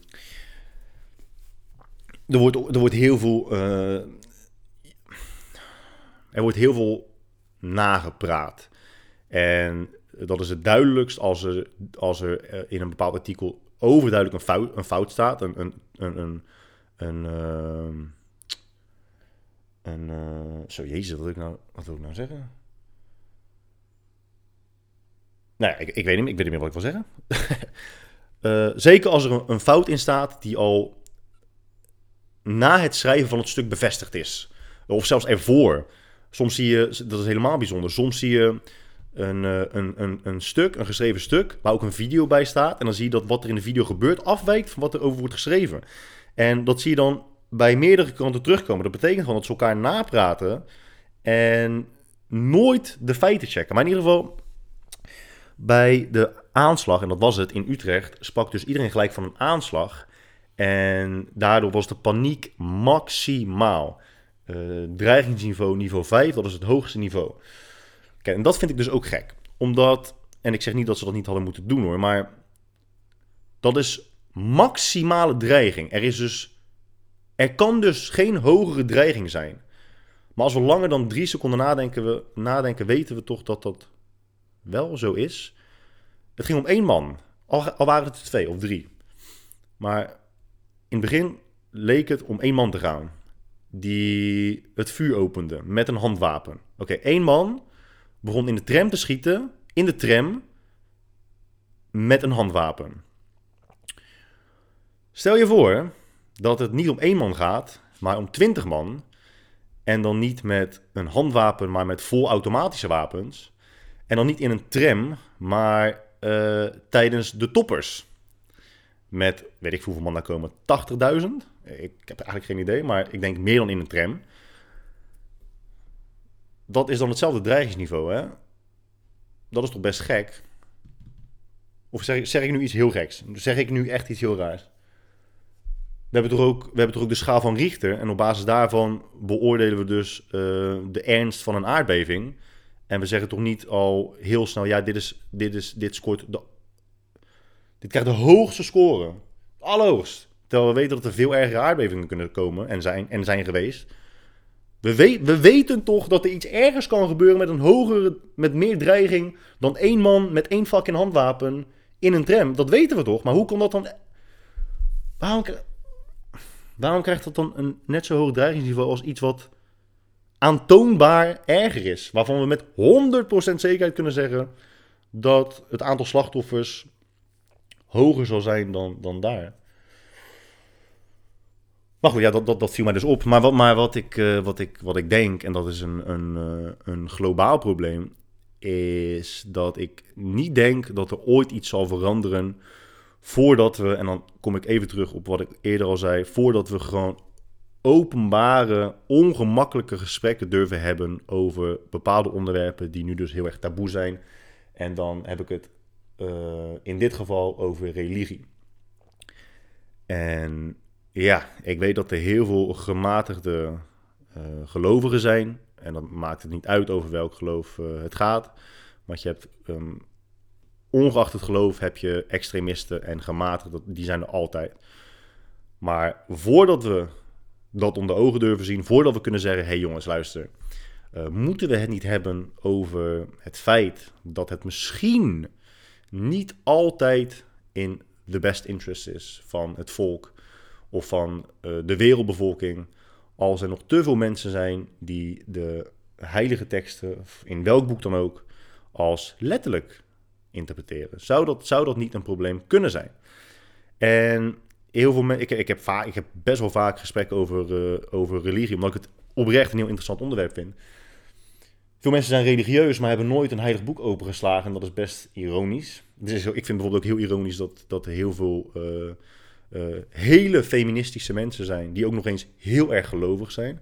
En dat is grappig en ironisch, omdat in elk geloof, in ieder geval in alle heilige boeken van het geloof, de vrouw ontzettend inferieur is aan de man. Ontzettend. En zo, ze worden zo ongelijk behandeld. En in, uh, in, in de Koran staat bijvoorbeeld dat de man letterlijk uh, twee keer meer waard is dan, dan de vrouw. In de Bijbel, ik weet niet of het het Nieuwe Testament of Oude Testament is, als bijvoorbeeld een man overspel pleegt, dan moet hij volgens mij een boete betalen. Of hij wordt verbannen uit de stad. Voor mij moet hij een boete betalen. Een vrouw moet gestenigd worden. Nou, dat lijkt me best wel oneerlijk. Dus het is grappig dat je, dat je, dat je kunt zeggen: Ik ben feminist. Maar uh, de Bijbel is uh, het letterlijke woord van God. Dat is best interessant. Uh, maar goed, wat je dus ziet bij geloof, en heel veel mensen die dus gelovig zijn en die nooit een boek open hebben geslagen. Of, en dat zie je nog vaker, is dat mensen die dan op een christelijke basisschool zit of een christelijke middelbare school. Kijk, wat doe je? Stel je voor, jij bent ouder en je bent gelovig en je wilt dat je kinderen ook gelovig worden. Het is heel makkelijk om kinderen voor de gek te houden. En wat kun je gewoon vervolgens doen? Je kunt ze alleen de leuke stukken van de Bijbel meegeven. Alleen de leuke stukken van de Bijbel aanleren. Of de stukken die jij als belangrijk acht. Of de stukken die het meest populair zijn. En dat is natuurlijk een heel beperkt beeld meegeven van geloof. En het is niet omdat ik mensen ervan wil overtuigen dat geloof slecht is. Ik denk ook niet dat geloof slecht is. Ik denk wel dat uh, elk geloof slechte aspecten heeft die bespreekbaar gemaakt moeten worden. Maar ik zie dat echt in onze generatie nog niet gebeuren. Uh, tenminste, het wordt wel gedaan, maar dat, dat zijn echt de uitzonderingen. En die lopen dan ook nog vaak uh, um, gevaar op, risico op. Het, het, is in heel veel gevallen gewoon letterlijk levensgevaarlijk. Maar goed, ik heb hier dus een Bijbel. En ik dacht, misschien is het wel leuk om gewoon een soort van Bijbelklasje te hebben. Maar dan anders dan tijdens de, tijdens, de basisschool of de middelbare school. En nogmaals, dat is echt niet omdat ik denk, eh, ik ga even lekker het geloof uh, zieken. Ik ga gewoon eens even iedereen vertellen hoe slecht het allemaal is. Want dat is niet zo. Maar ook in andere podcasts heb ik het gewoon heel duidelijk over een, een compleet beeld hebben van alles. Het gaat er niet om wat het is. Ik vind een compleet wereldbeeld vind ik zelf belangrijk. En daarom hoop ik dat sommige luisteraars dat ook belangrijk vinden. En dit dan horen, dan denk ik, oh, nou, dat, dat wist ik echt niet dat, dat zulke dingen in de Bijbel staan. Um, dus nou, ja, misschien is dat wel, uh, is dat wel uh, interessant. Um, want kijk, als jij dus in 2019 gelovig wilt zijn, dan je, je, je moet grote delen van um, niet alleen de Bijbel, maar van, van, van elk heilig boek, moet je negeren of heel sterk verdraaien om het aan te, aan te laten sluiten op je normen en waarden van nu. Um, dus als er bijvoorbeeld staat dat slavernij uh, gedoogd is, je mag slaven houden, je mag seksslaven houden. En ja, dat staat daadwerkelijk in de heilige boeken. Dan het woord van God. Dan moet je dat dus of negeren. Um, en gewoon doen alsof het er niet staat. Of je moet ervoor kiezen om het op een hele, hele andere manier te interpreteren. En daar kun je dus uh, genoeg creatieve voor mensen vinden die dat, die dat kunnen. Of je moet natuurlijk gewoon een uh, heel makkelijk argument verzinnen van ja, nee, weet je, uh, ja, God werkt toch in mysterieuze, God is mysterieus en we weten, we zullen nooit precies begrijpen wat, wat hij of zij, misschien is God wel een vrouw, denk het niet, wat hij of zij bedoelt. En mocht je nu denken dat ik deze Bijbel heb gekocht om Ehm, het geloof te zieken. Dat is ook absoluut niet waar. Ik heb namelijk op een christelijke basisschool gezeten en een christelijke middelbare school. En uh, dit boek brengt dan ook best wel wat uh, herinneringen op. Maar dit boek heb ik dus meegekregen toen ik ehm, de basisschool verliet. Er staat hier dan ook aan Guy Droog, dat ben ik, bij het verlaten van de Steven Stemerding school. Mooi zeg. Ik weet niet, hoe oud ben je als je de basisschool verlaat? Maar goed, dat was in ieder geval, uh, dat was in ieder geval uh, toen. Um, eens even zien. Ik heb wat uh, stukjes genoteerd die ik, die ik voor wilde dragen. En, en vergis je dus niet, hè, dit, dit, dit is volgens heel veel mensen, het merendeel van de wereld is gelovig. En volgens een heel groot deel van gelovigen, ik denk ook wel een merendeel, is dit, dit is het woord van de Alwetende, van de Almachtige en is op geen enkele manier te overtreffen door de mens. Maar wat dan grappig is, is dat A, heeft God zichzelf niet alleen de beste schrijver ooit gemaakt, want ik denk dat Shakespeare bijvoorbeeld uh, uh, een betere schrijver was dan God. En waarom zou je jezelf dan niet gelijk de beste schrijver maken? Maar elk weldenkend persoon kan dit boek verbeteren. Zeg nog, elk weldenkend, elk, elk, zo, jezus, elk weldenkend mens kan ook de tien geboden verbeteren. Je denkt toch, ja, waarom staat er niet bij je mag geen slaven, je mag, slavernij is niet helemaal top. Waarom staat dat er niet uh, bij?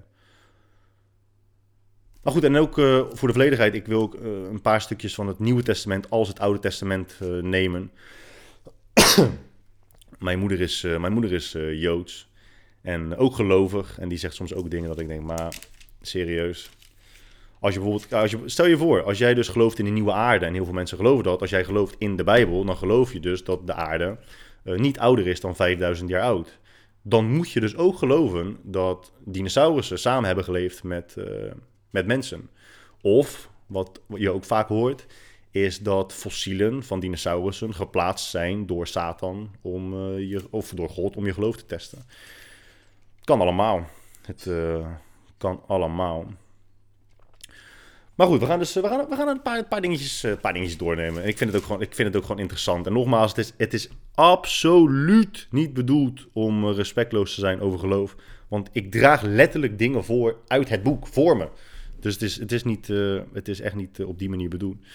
We gaan naar eh, eerst even het Nieuw Testament, de eerste brief aan Timotheus. Dat is dan pagina 219. Ik weet niet of je ooit hebt genavigeerd door een Bijbel, maar dat is best irritant. En dan gaan we naar 212. Oh, nou dat is gelijk toevallig en dat is echt niet met opzet gedaan, maar het gaat wel weer over de, de, de, de disbalans tussen man en vrouw. Um, er wordt hier geschreven: Een vrouw moet stil en volgzaam naar het onderricht luisteren. Ik sta niet toe dat ze onderricht geeft of gezag uitoefent over mannen. Nee, ze moet stil zijn. Adam is het eerst geschapen, daarna Eva, en Adam werd niet misleid. Het was de vrouw die zich, die zich liet misleiden en het gebod van God overtrad. Maar ze zal kinderen ter wereld brengen en zo gered worden als ze volhardt in geloof, liefde en een God toegewijd en ingetogen leven. Ja. Dat, dat, dat, dat spreekt dus niet echt over gelijkheid eh, tussen mannen en vrouwen. Ehm, even terug naar het, eh, het, Oude Testament. En het Oude Testament is in dat opzicht, dus het Oude Testament is waar het Jodendom op uh, is gebaseerd. En dat is, is ook niet altijd even leuk. Um, even kijken. Wat staat hier? Het, het, vermoorden van familieleden is trouwens ook gewoon prima. Hè? Zeker als iemand de Heer verraadt. Even kijken. Het kan ook gebeuren dat men je in het geheim tracht over te halen andere goden te vereren. Goden met wie jij nog je voorouders ooit enige band hadden. Het kan je bloedeigen broer zijn, je zoon of je dochter of zelfs je eigen vrouw of beste vriend. Hij of zij wil je een van de vele goden aanpraten die op aarde voorkomen, goden van naburige volken of uit verre landen. Ga er niet op in. Luister niet naar zo iemand. Sterker nog, en nu wordt het interessant. Sterker nog, ken geen pardon. Houd hem de hand niet boven het hoofd. Stop de zaak niet in de doofpot. Breng hem door steniging ter dood. Als getuige moet jij de eerste steen werpen, daarna volgen alle anderen. De schuldige moet sterven, omdat hij heeft geprobeerd je te vervreemden van de Heer, je God, van hem die jou heeft weggehaald uit dat slavenoord van Egypte. Ja, het lijkt mij ook niet. Kijk, en het gebeurt niet, hè? Het, het gebeurt in het Jodendom niet. Dat zelfs de, de meest extreem gelovige Joden, de orthodoxe Joden, die nemen uh, niet alles uit de Bijbel zo letterlijk dat ze daadwerkelijk doen. Um, als een Jood erachter komt dat zijn vrouw hem probeert over te halen om misschien wat gematigder te gaan leven, uh, het is niet voorgekomen, althans niet de laatste honderd jaar, dat uh, een man dan zegt, weet je wat, ik stenig mijn vrouw even of mijn kinderen. Maar goed, um, ja. ja, in de Bijbel is dat dus wel gewoon, uh, wel gewoon normaal. We gaan uh, naar een ander stuk. Deuteronomium is trouwens wel een, interessante, een interessant boek uit de Bijbel. Aangezien het heel veel spreekt over de regels van leven. Dit, dit is, ja, ja dit is dus echt het boek wat heel, heel veel... Dat is interessant. Er zijn dus heel veel gelovigen die niet denken... die zijn ervan overtuigd dat normen en waarden... dat bepaalde leefregels niet hadden bestaan zonder geloof. Maar dit zijn letterlijk de leefregels uit de Bijbel. Oké, ehm, huwelijk met een gevangen genomen vrouw. Interessant hoor. Stel dat je ten strijde trekt en de Heer, je God, levert de vijand aan je, aan je uit. Onder de gevangenen ontdek je een mooi meisje. Je vindt haar aardig en wilt met haar trouwen. Leid haar in zo'n geval je huis binnen. Ze moet haar hoofd kaal Ze moet haar hoofd kaal scheren, haar nagels knippen en de kleren wegdoen die ze droeg bij haar gevangen, gevangenneming. Sorry. Een volle maand moet ze de tijd krijgen om te treuren over haar vader en moeder. Pas daarna mag je gemeenschap met haar hebben en kan zij je wettige echtgenote worden. Komt er een tijd dat je niets meer voor haar voelt? Laat haar dan vrij. Verkoop haar beslist niet. Je hebt haar al gedwongen met je te trouwen. Daarom is het verboden haar nu ook nog als koopwaar te behandelen. Oké.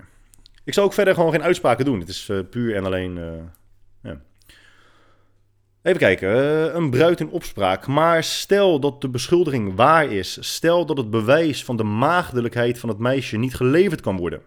In dat geval moeten de burgers van de stad het meisje voor de deur van haar ouders door steniging ter dood brengen. Want zij heeft in Israël iets schandelijks, schandelijks gedaan. Sorry. Zij heeft toen ze nog bij haar ouders thuis was, ontucht gepleegd. Roei dit kwaad met wortel en tak uit.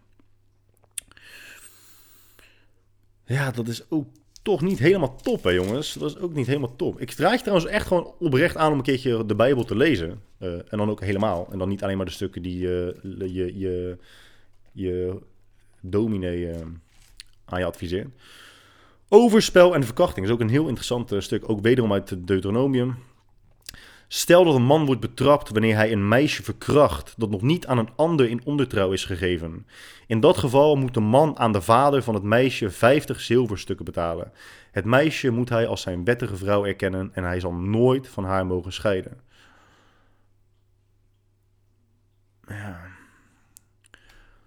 Ja, goed. Even kijken, wat hebben we nog meer? Matthäus. Voor mij is Matthäus. Uh de, het Nieuwe Testament, het Evangelie volgens Matthäus. Dan gaan we naar pagina 3. Ik denk dat waarschijnlijk iedereen nu al is afgehaakt tijdens mijn Bijbellesje. Maar ik vind het, uh, ik vind het eigenlijk wel leuk. Ik kan het best wel lang uh, doen. Matthäus 10, 34. Even zien, jongens. Oh, dit, dit, is dus een heel, dit is een heel interessant stuk. Uh, um, ja, het zal je niet verbazen, maar ik heb ook wel eens gesprekken met Jehovah-getuigen aan de deur. En dit is een van de stukken waar, uh, ja, waarbij toch wel veel mensen uh, uh, slikken. Omdat het hier gaat over het woord van Jezus. En Jezus zegt: Denk niet dat ik gekomen ben om vrede op aarde te brengen. Ik ben geen vrede komen brengen, maar het zwaard. Ik ben immers gekomen om verdeeldheid te brengen tussen vader en zoon, tussen moeder en dochter, tussen schoonmoeder en schoondochter. Ja, familieleden zullen vijanden van elkaar worden. Wie meer van zijn vader of moeder houdt dan van mij, is mij niet waard. Wie meer van zijn zoon of dochter houdt dan van mij, is mij niet waard. Ook wie zijn kruis niet opneemt om mij te volgen, is mij niet waard. Wie aan zijn leven vasthoudt, zal het verliezen, maar wie zijn leven durft te verliezen, omwille van mij, zal het vinden. Ja, Jezus, dat is toch wel uh, ja, verandert toch wel een klein beetje mijn beeld uh, van jou. Uh. Even kijken, wat hebben we nog meer? Leuk is dit man. Samuel, Samuel 1 Samuel 15. Wat hebben we hier? En trouwens, ik heb het natuurlijk net over cherrypicking gehad. Hè? Uh, en de scherpe luisteraar die kan nu stellen van ja, nu doe jij dat ook. Maar ehm, dit, is, uh, dit is anders, omdat de meeste mensen daadwerkelijk nooit de negatieve stukken te horen krijgen, omdat ze als slachtoffer zijn geweest van cherrypicking. Dus ik vul nu vrijwillig de uh, gaten voor je op. Tenminste, ik, ik uh, hoop dat ik laat zien dat er gaten zitten in de kennis die je van de heilige boeken hebt. 1 Samuel 15, 248 als je op je dertigste levensjaar in, uh, in je woonkamer zit en je bent op een dinsdagmiddag de Bijbel aan het voorlezen aan mensen die er niet eens zijn, dan weet je wel echt dat je het gemaakt hebt. Gemaakt hebt. 1 Samuel 15, dat uh, klopt volgens mij niet. Oh, wacht, dan moet ik hierheen, sorry. Wat hebben we hier? Zo spreekt de Almachtige Heer: Ik ga nu Amalek straffen voor wat het Israël heeft aangedaan. Want Amalek is, heeft Israël dwarsgeboomd bij zijn uittocht uit Egypte. Trek dus tegen Amalek op, versla het en vernietig het geheel en al. Spaar het niet, maar dood alle mannen en vrouwen, kinderen en zuigelingen, runderen en schapen, kamelen en ezels. Dus uh, ja, God, God draagt hier dus eigenlijk gewoon uh, op tot uh, genocide. Ja best heftig. En ja, er staan natuurlijk ook heel veel goede dingen in de Bijbel, maar daar staan, er staan weinig dingen in de Bijbel uh, waarvan je in 2019 denkt, oh ja, daar, uh, ja, daar, daar, had ik, uh, daar had ik nog niet over nagedacht, dat dat misschien wel handig is om op die manier te leven. Psalm 137. Oeh, wat hebben we daar? Psalm 137. Psalmen, psalmen, psalmen. Dan gaan we weer naar het Oude Testament. Ik vraag me ook oprecht af of we nu gelovigen luisteren en dit dan echt um, aanstootgevend vinden. Of, of echt heel vervelend. Ik denk het, ik denk het niet. Want eh, wat ik net zeg, als ik, het, als ik dit dus met Jehovah's getuigen doe, en die behoren toch echt wel tot de, tot de minder gematigden, uh, ook zij vinden het niet erg hoor. Dat, uh, nogmaals, ik, ik lees het boek voor waar jij in gelooft. Dus het is niet dat ik mijn eigen argumenten verzin om jou op die manier zwart te maken. Uh, en het geloof hoort altijd uh, te overheersen. Het goede hoort te overheersen. Dus als mensen dit horen, zouden ze niet in één keer van het geloof eh, af moeten stappen. En dat, dat wil ik ook helemaal niet.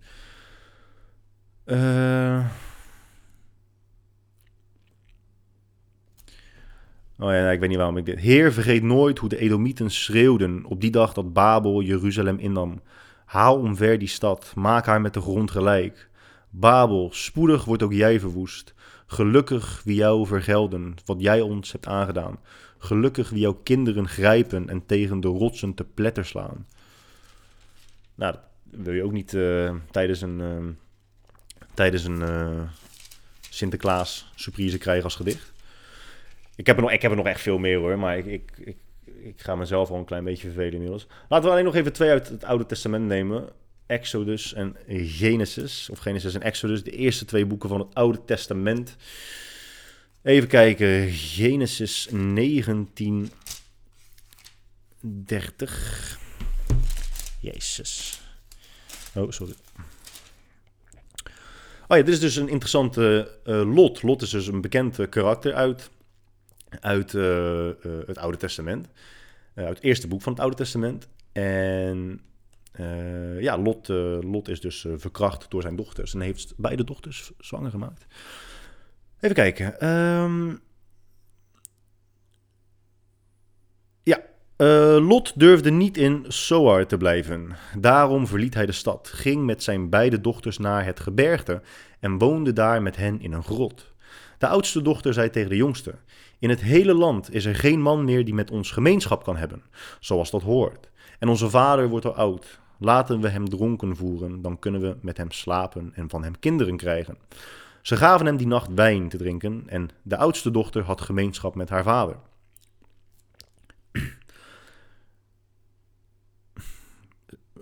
Vergis je ook niet, hè? Als je ook maar. Als je, als je porno opneemt en je. En je impliceert ook maar een klein beetje dat het daadwerkelijk om bloedverwanten gaat, dan is dat gewoon zo verschrikkelijk strafbaar. Maar goed, uh, met gemeenschap met haar vader. Hij merkte niet dat ze bij hem kwam en evenmin dat ze weer wegging. De volgende morgen zei de oudste dochter tegen haar zuster: De afgelopen nacht heb ik met mijn vader geslapen. Als we hem vannacht weer dronken voeren, kun jij met hem slapen en kunnen we beide kinderen van hem krijgen. Ook die nacht gaven ze hun vader wijn te drinken en de jongste dochter had gemeenschap met hem. Ook nu merkte hij er niets van. Zo werden beide dochters zwanger van hun eigen vader. De oudste kreeg een zoon en noemde hem Moab. Hij is de stamvader van de tegenwoordige Moabieten. De jongste dochter kreeg ook een zoon en noemde hem Ben-Ami. Hij is de stamvader van de tegenwoordige Ammonieten. Dus uh, ja. Best een grote stamboom aan incest dan. Uh, even kijken, jongens. Waar, en toen hadden we nog Exodus. Exodus, dat is het tweede boek van het Oude Testament. 21. 21. Verkoopt iemand zijn dochter als slavin, dan kan ze niet vrijkomen zoals de mannelijke slaven. Dat is ook, lijkt me ook weer oneerlijk. Als haar meester haar als vrouw wilde, maar zij beviel hem niet, dan moet hij haar laten terugkopen. Hij heeft niet het recht haar aan een buitenlander te verkopen, hij is haar immers geworden, ontrouw geworden. Had hij haar bestemd voor zijn zoon, dan moet ze als een vrije vrouw behandeld worden. Neem zo iemand naast de slavin nog een vrouw, dan mag hij de slavin niet minder voedsel en kleren geven. Nou, dat, is dan, dat is dan wel weer eerlijk. Ook mag hij niet minder vaak gemeenschap met haar hebben. Komt hij deze drie verplichtingen tegenover haar niet na, dan mag ze weggaan zonder iets te betalen. Ja, weet je, het punt hiervan is, en dat sluit dus aan op uh, waar ik mee begon, is dat er moeten gewoon gesprekken voeren over alle heilige boeken. En er moet, er moet in het kader van gelijkheid lijkt mij het verstandig als we alles. Uh, als alles aan dezelfde eisen van bewijs moet voldoen. Als ik tegen jou zeg, hey yo, luister, uh, jouw partner gaat vreemd. Of uh, hey, uh, van avocado krijg je vleugels. Ga ik ervan uit dat jij daar een bepaalde vorm van bewijs voor wil. Tegelijkertijd leg jij dit boek op je nachtkastje en geloof je er blindelings zonder bewijs in dat dit het woord van de persoon is die de wereld heeft geschapen. Die jou, ja, die jou uh, met mankementen creëert en vervolgens vraagt te veranderen omdat je anders uh, zult branden in de hel. Ja, het is gek. Als je nu iemand terughaalt van duizend jaar geleden, op de een of andere manier halen we die terug en uh, we gaan die persoon ondervragen, dan is zijn kennis over geneeskunde dramatisch, over economie dramatisch, over technologie nul, niet bestaand. Al die dingen zijn over de laatste honderdduizenden jaren door blijven ontwikkelen. En natuurlijk, de laatste paar honderd jaar is dat exponentiële groei geweest. Maar je kunt de lijn constant doortrekken. En die lijn zal hoogstwaarschijnlijk constant doorgetrokken blijven worden. Als het gaat om geloof is dat niet zo. En dat kan dus twee dingen betekenen. Um, was onze kennis wat religie betreft toen al compleet. En um, is, het, is het niet te verbeteren? Of zit er gewoon, ja, of zit dus gewoon helemaal geen vooruitgang in? Is het, is het gewoon al duizenden jaren hetzelfde en onveranderd? Kijk, het is, tuurlijk, er zit ook wel vooruitgang in. Ik bedoel, we hebben geen, we hebben geen kruistochten meer. Uh, hè, gelukkig. Dat, uh, dat scheelt. Maar goed, er gebeuren wel andere dingen in, uh, in naam van geloof of voor het geloof. En dat is gewoon zo. En mensen die weigeren te erkennen dat bepaalde minder leuke dingen in het leven direct geassocieerd kunnen worden met geloof. Ja, dat zijn de mensen die met hun kop 16 meter diep in het zand zitten. En dat zijn er heel veel. En zolang dat zo zal zijn, denk ik niet dat er, dat er echt, echt dingen zullen veranderen in het leven ja, als, je, als je hierin wilt geloven, en dat is je goed recht, want ik ben er wel echt van overtuigd dat mensen zelf moeten doen wat ze willen, zolang je daar niet anderen heel erg mee uh, kwaad doet. Dan moet je dus geloven dat. Um, Oké, nee, even ervan uitgaande dat je niet in een nieuwe aarde gelooft. Dus dat je wel al enigszins het gevoel hebt dat evolutie waarschijnlijk wel klopt. Of in ieder geval dat de aarde wel een paar miljard jaar oud is. Uh, laten we conservatief zeggen dat de mens 100.000 jaar bestaat. Het is veel langer dan dat, maar we gaan even uit van 100.000 jaar. En er zijn genoeg gelovigen, de intelligente, de intelligente gelovige personen, die uh, geloven dat ook. Die zijn daar ook al wel inmiddels uh, uit. Maar dan moet je dus geloven dat ongeveer 95.000 jaar lang God toe heeft gekeken. En heeft gezien hoe mensen, nou ja, ademden, maar leven kun je het niet echt noemen. De meeste mensen die gaan dood door gaten in hun kiezen. Ik bedoel, het feit dat, we, het feit dat er nu al zoveel meer mensen, minder mensen doodgaan omdat we tandartsen hebben en onze handen wassen in het ziekenhuis. 95.000 jaar lang is het ellende. We weten niet waarom het regent. We weten niet waarom er fucking dingen op aarde inslaan. Moeten we elkaar vermoorden? Wat is de beste manier van een, een, een, een groep mensen bij elkaar houden zonder al te veel conflict? Hoe komen we aan eten? Wat kunnen we eten? Wat kunnen we niet eten? Dat, hij kijkt 95.000 jaar lang kijkt hij toe. En dan denkt hij, nou ja, weet je wat? Op dit punt ga ik mijn aanwezigheid kenbaar maken door mijn uh, zoon naar het Midden-Oosten te sturen, waar de meeste mensen analfabeet zijn. En wat ik hem daar ga laten doen is wonderen verrichten en uh, ja, mensen proberen te bekeren tot het geloof en, en iedereen vertellen dat ik, uh, dat ik besta ja, daar moet je in grote lijnen in geloven en achter staan. Wil je dus dit boek ja, als het heiligste boek op aarde beschouwen. Het is wel voor mij het best verkochte boek alle tijden, de Bijbel. En het is ook een heel goed boek, vrees je niet. Het is echt een, het is een heel interessant stuk leeswerk. Maar goed, ik ga het hierbij laten. Ook omdat ik dus um, wil voorkomen dat ik niet te veel mensen op hun tenen trap of te veel mensen beledig. Dat is oprecht niet mijn, mijn intentie. Geloof is een, een interessant onderwerp en daar moet, gewoon, daar moet toch gewoon over gesproken kunnen worden, jongens. Even serieus, over alles kunnen we toch... We kunnen over alles vrij uitspreken, behalve politiek dan. En, uh, maar vooral religie, en dat is, uh, dat is jammer. Dus, uh, ja. Ik denk dat het bij de vraag begint, nogmaals... Zou het kunnen zijn dat er mensen zijn die verkeerde dingen doen in 2019 of in de 21ste eeuw op basis van teksten die ze uit het heilige boek halen en letterlijk nemen.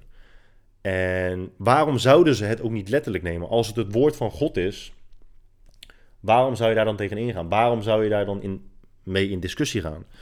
Voor niet-gelovigen is het al ongemakkelijk om dit gesprek te voeren. Laat staan als gelovigen toegeven van, ja, misschien heeft de lieve Heer het toch niet bij het juiste eind voordat we dat soort vragen gaan stellen, voordat we dat soort gesprekken gaan voeren met elkaar, denk ik niet dat er uh, um, snel veel vooruitgang in zal komen. Maar goed, ik weet niet heel erg veel en dat meen ik ook oprecht. Dus misschien zit ik helemaal naast en, uh, en verandert het allemaal wel. En natuurlijk, ik heb het nu ook met name over uh, wat er bijvoorbeeld in Nieuw-Zeeland is gebeurd. En ja, het is allemaal, het is allemaal behoorlijk kloten. Het is allemaal echt behoorlijk kloten. En heel lastig op te lossen. Echt heel lastig op te lossen. Goed, ik ga het hierbij laten. We zijn al best wel lang uh, bezig. Anderhalf uur. Dus ja, wij uh, spreken elkaar volgende week, uh, lieve mensen.